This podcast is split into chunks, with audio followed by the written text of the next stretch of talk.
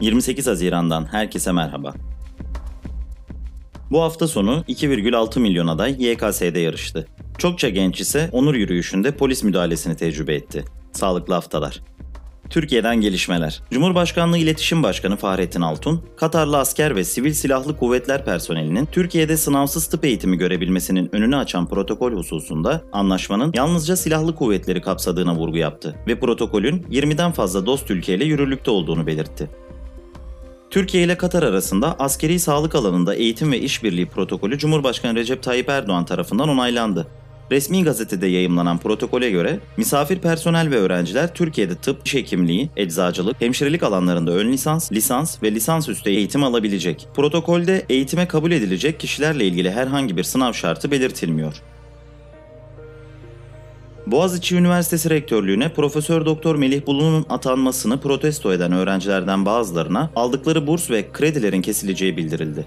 Ancak bursların kesilmesinin gerekçesi olarak belirtilen hükmün 2008 yılında yönetmelikten çıkarıldığı ortaya çıktı.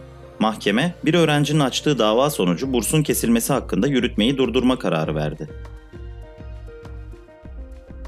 Saadet Partisi Milletvekili Abdülkadir Karaduman, ittifak tartışmalarına ilişkin yaptığı açıklamada, Saadet Partisi bugün herhangi bir ittifakın içerisinde değildir. Saadet Partimiz bütün partilerle dirsek temasındadır dedi.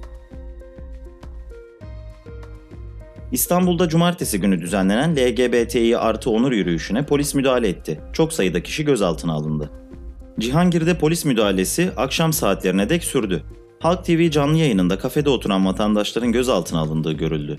Yürüyüşü görüntüleyen Fransa temelli haber ajansı AFP'nin foto muhabiri Bülent Kılıç, polis tarafından boğazına bastırılarak gözaltına alındı. İstanbul Büyükşehir Belediyesi Kanal İstanbul projesi hakkında kamuyu bilgilendirme platformu hazırladı. Sitede bugüne nasıl gelindi, işin aslı ne ve aklıma takılanlar gibi kategorilere göz atabilirsiniz. CHP Genel Başkanı Kemal Kılıçdaroğlu, hükümete geldiğimizde projeyle ilgili ödemeleri durduracağız demecini vermişti. Cumhurbaşkanı Recep Tayyip Erdoğan da Kanal İstanbul'un üzerinden geçecek Sazlıdere Köprüsü'nün temel atma töreninde konuştu. Erdoğan, söke söke sizden bu paraları uluslararası tahkim yoluyla alırlar. Bunları da öğren. Bunları bilmeden de bir yere varamazsın. Biz ülkemize eser kazandırma mücadelemizi sonuna kadar sürdüreceğiz sözlerini dile getirdi. 2021 Voleybol Milletler Ligi dörtlü finalinin üçüncülük maçında A Milli Kadın Voleybol takımı Japonya'yı 3-0 mağlup etti ve bronz madalyanın sahibi oldu. Yarı finalde filenin sultanlarını 3-0 mağlup eden ABD ve Japonya'yı 3-1'lik skorla geçen Brezilya finalde oynadı. Altın madalyaya ulaşan takım 3-1'lik skorla ABD oldu. Katar'da düzenlenen Artistik Jimnastik Dünya Kupası'nda paralel bar finalinde milli jimnastikçi Ferhat Arıcan 15.566 puanla altın madalya kazandı. Öte yandan paralel bar finalinde diğer milli jimnastikçi Ahmet Önder ise 13.833 puanla 8. oldu. Dünyadan gelişmeler. LGBTİ artı karşıtı birçok yasa ve düzenlemeye sahip Rusya'da ABD, Birleşik Krallık ve Kanada gibi birçok batı ülkesinin büyük elçilikleri onur ayı için gökkuşağı bayrağı dalgalandırmaya başladı. Avustralya, Kanada, İzlanda, Yeni Zelanda, Birleşik Krallık ve ABD'nin Rusya büyükelçilerinin imzalarını taşıyan ortak açıklamayla ülkelerin LGBTİ artı vatandaşların haklarını savunmaya olan bağlılıkları bir kez daha vurgulandı. Çin Ulusal Uzay Ajansı Mars yörüngesindeki Tianwen-1 isimli uydusu aracılığıyla kızıl gezegenin yeni görüntülerini paylaştı. Paylaşımda Mars'ın Utopia Planitia isimli bölgesine iniş yapan Zhurong isimli uzay aracının atmosferden paraşütle süzülürken kayda alınan görüntülerine yer verildi.